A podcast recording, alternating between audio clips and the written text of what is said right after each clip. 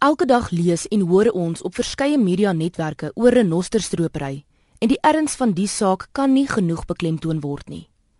Baie van ons ry met rooi horings op ons motors rond en ander dra armbande vir bewusmaking van die aaneenlopende kwessie. Selfs die Suid-Afrikaanse groep Die Paletones het in 2011 hulle hele album oorgedoen en die fondse van die album is ook aan die saak geskenk. Hier volg een van die liedjies op hulle album.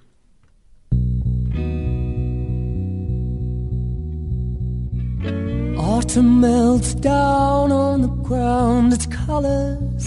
The streets are filled with art, and the trees are the artist. It's magic, it's magic. I dream of the future, my sisters and my brothers. No more war, just love for one another. It's magic, it's magic. It's magic.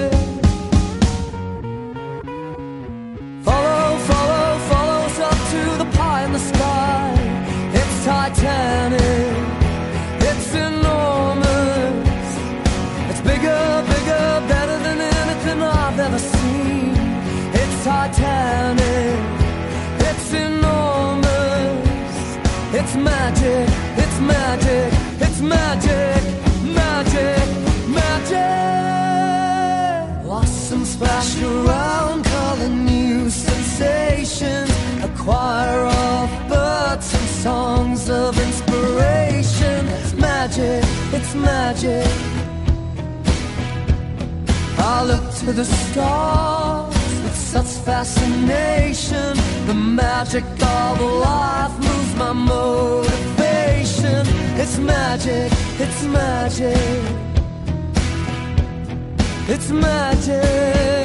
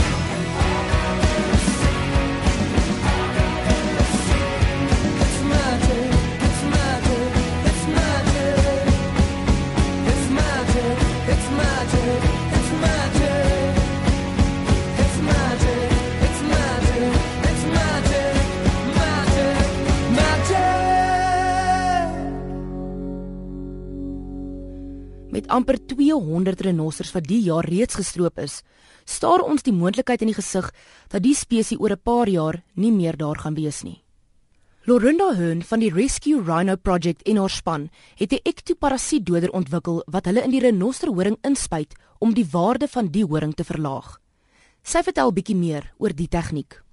Nou vertel vir ons van die projek en die ektoparasietdoder behandeling en wat presies dit behels. Soos jy nou te- tereg gesê het, dit is 'n dit is 'n teengif teen parasiete wat ons gebruik om die, om die horings te behandel. Ehm um, met ander woorde, dit is 100% veilig vir die dier. Dit is geformuleer vir gebruik op diere, maar dit is giftig vir mense indien dit sou inneem. Net soos wat jy jou diere tuis sou kon behandel teen teen bosluise en luise en vlooie op die oppervlak van die vel, so kan jy ook wilde diere so behandel. En en dit is wat ons besluit het om te doen met met ons renosters. Met ander woorde, jy spuit hierdie middel in die horing in saam met 'n 'n kleurstof, dieselfde soort kleurstof wat in die bankbedryf of die bankwese gebruik word om gesteelde banknote te identifiseer. En ehm um, dit is jy met ander woorde die die waarde uit die horing verwyder en seker maak dat die waarde weer eens terug in die lewende dier waar dit eintlik hoort, waar dit eintlik nog altyd gehoort het. Wanneer 'n mens nou hierdie middel inneem, jy het net gesê dit is veilig vir die dier, maar nie soveel vir die mens nie. Wat se effek het dit op 'n mens wanneer die middel ingeneem word? Kyk, dit is nie 'n gifstof soos arsen of cyanide nie. Dit gaan definitief niemand se dood veroorsaak nie, maar dit gaan 'n geweldig siek maak. Ehm um, ek moet sê die span wat die mees onlangse behandelings gedoen het in die Sabi Sandwiltuin het definitief um, bloot oor die hoeveelheid behandelings wat ons in 'n baie kort tydperk moes doen self die neeweffekte van die van die middels gevoel. So indien jy te veel van dit inasem en indien jy um, in kontak daarmee kom en jy nie jou hande behoorlik was nie, dan kan jy definitief voel dat daar dat daar uh, duisigheid, naait, hoofpynne en dis meer is die is die soort simptome wat jy sal ervaar. Wat presies is die doel van hierdie behandeling op die renosterhoring? Kyk vir vir my as 'n renoster eienaar was dit nie 'n opsie om my diere se horings te verwyder nie. Um, ons maak grootendeels staat op op toerisme vir ons inkomste en en niemand wil regtig na Afrika toe kom om die groot 4 en 'n half te sien want ons het al die diere se horings self verwyder nie of indien uh, anders is dit nou aan nou die groot 4 omdat daar eenvoudig net nie meer renosters oor is nie. So ek sou kyk vir 'n alternatief wat ek kon gebruik om my diere te beveilig teen stropery sonder om hulle horings te verwyder.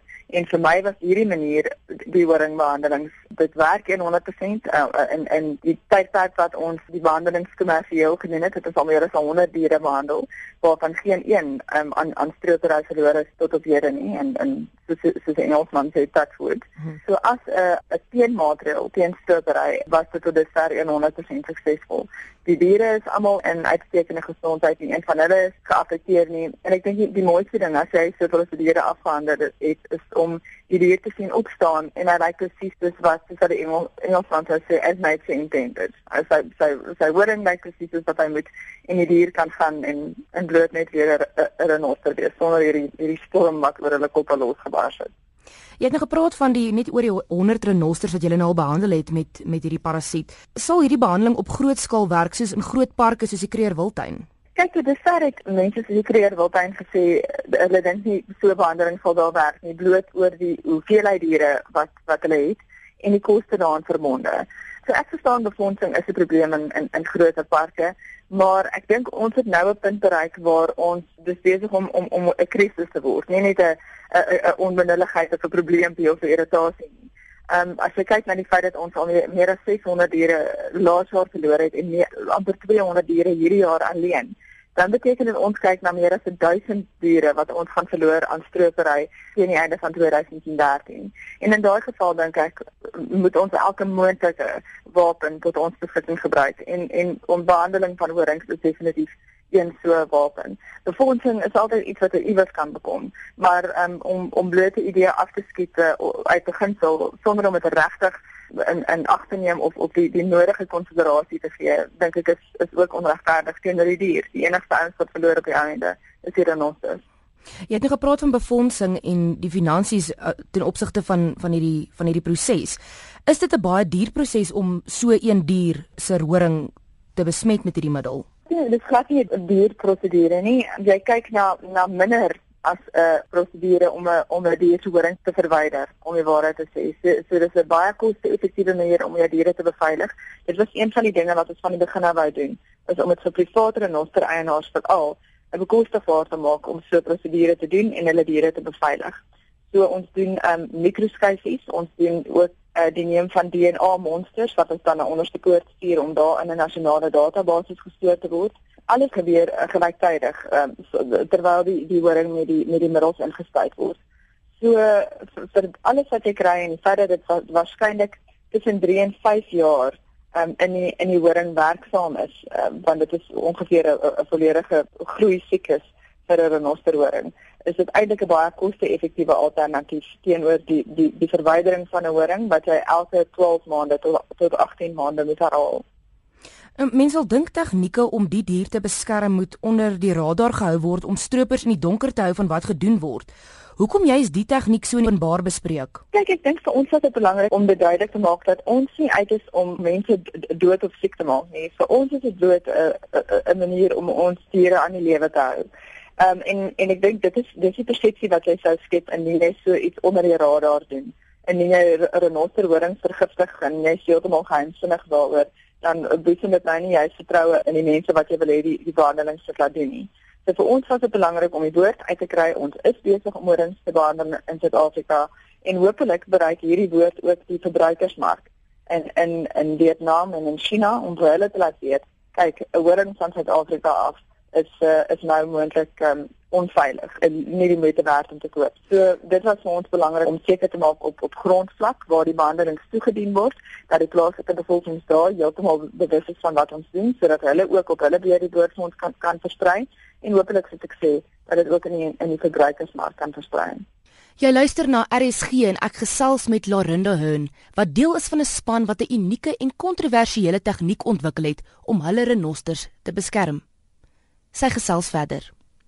Jy het vroeër gepraat van klein eienaars en mense wat renosters besit. Mense het gelees so rukkie terug in die koerant van die een eienaar wat 66 of 60 van sy renosters se horings afgesny het en toe sit nou gesteel. Het jy gevind dat baie van hierdie kleiner eienaars van renosters julle kontak met navraag oor hierdie oor hierdie middel? Ek moet sê ons het al net aanvanklik um, nogal baie opdraande gehad met die met die met die behandeling. Daar is baie private renoster eienaars wat self renosterhoring verwyder en die hoop dat hulle dit op een of ander stadium gaan kan verkoop dat uh, die die handel onder 'n renosterhoring gebette gaan word. So ons het aanvanklik nie baie versoeke gehad nie. Ehm um, hier en daar van een een of twee van die kleiner outjies soos onsself wat 5 of 6 diere het, hulle het nie noodwendig die befondsing om 'n voltydse teenstropingseenheid aan te hou nie en uh, en hulle het gevra of hulle die behandelings kan doen.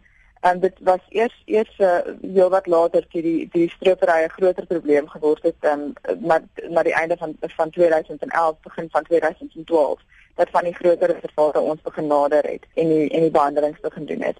So ons kry ons kry versoeke ja, maar ons kry net soveel ouens wat sê nee, jy weet vir my is is 'n uh, is die behandeling van uh, die horings nie 'n opsie nie. Ek sou verkies om liewer liewer handel te dryf in my horings in indien dit eendag moontlik sou wees. Ons lees daagliks van die gebeure in die media van die stropery en hoe ernstig dit is. En ons as buitenstaanders kry 'n klein idee van hoe groot die probleem werklik is.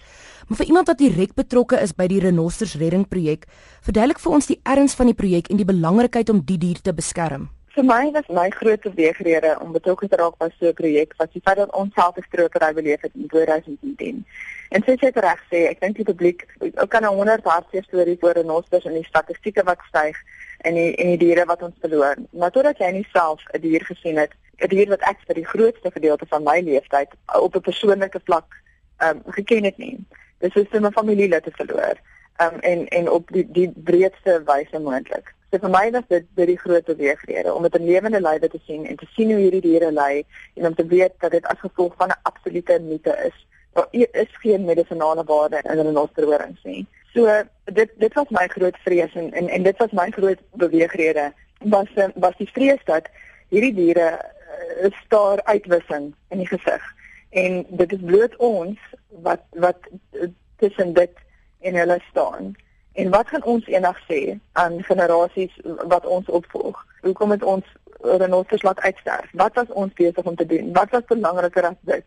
Die probleem op die grond is is so ongelooflik groot en ek dink die die die publiek word tot 'n groot mate nie al die inligting gegee nie wat anders sou meer van hulle meer ingeligte besluite kon neem. So die die probleem wat ons in die gesig staar is letterlik dat ons 'n negatiewe groei gaan ingaan um, teen teen 2016 of 17 en dat hierdie diere moontlik heeltemal kan uitsterf teen 2030 wat nie 'n geweldige lang tydperk is nie. En ek weier om te aanvaar dat dit tydens my lewenstyd gaan gebeur dat ek aan iemand moet gaan moet verduidelik. Ek het elke geleentheid in die wêreld gehad om te help om 'n verskil te maak om hierdie diere aan die lewe te hou en ek het niks gedoen nie. Linda, waar sal jy sê is die beste plek om die probleem te stop? By die stroopers of by die mark? Ek dink nie daar's een oplossing vir stropery nie. Daar is net soos baie mense gebruik die term silver bullet. Daar daar is geen silver bullet nie. Dit is alles 'n kombinasie van faktore. Um, ek weet bewusmaking in die verbruikersmark kan 'n groot verskil maak. Ongelukkig neem bewusmaking eenvoudig te lank. Dit gaan waarskynlik oor 5 of 10 of 20 jaar 'n verskil in die verbruikersmark maak. So ek glo dat by die mark self kan jy 'n daadwerklike poging aanwend om 'n verskil te maak, maar jy wil ook op hierdie stadium op grondvlak en die kop van die stroper wil jy 'n verandering teweegbring. En dit is wat ons doen met Rhino Rescue Project.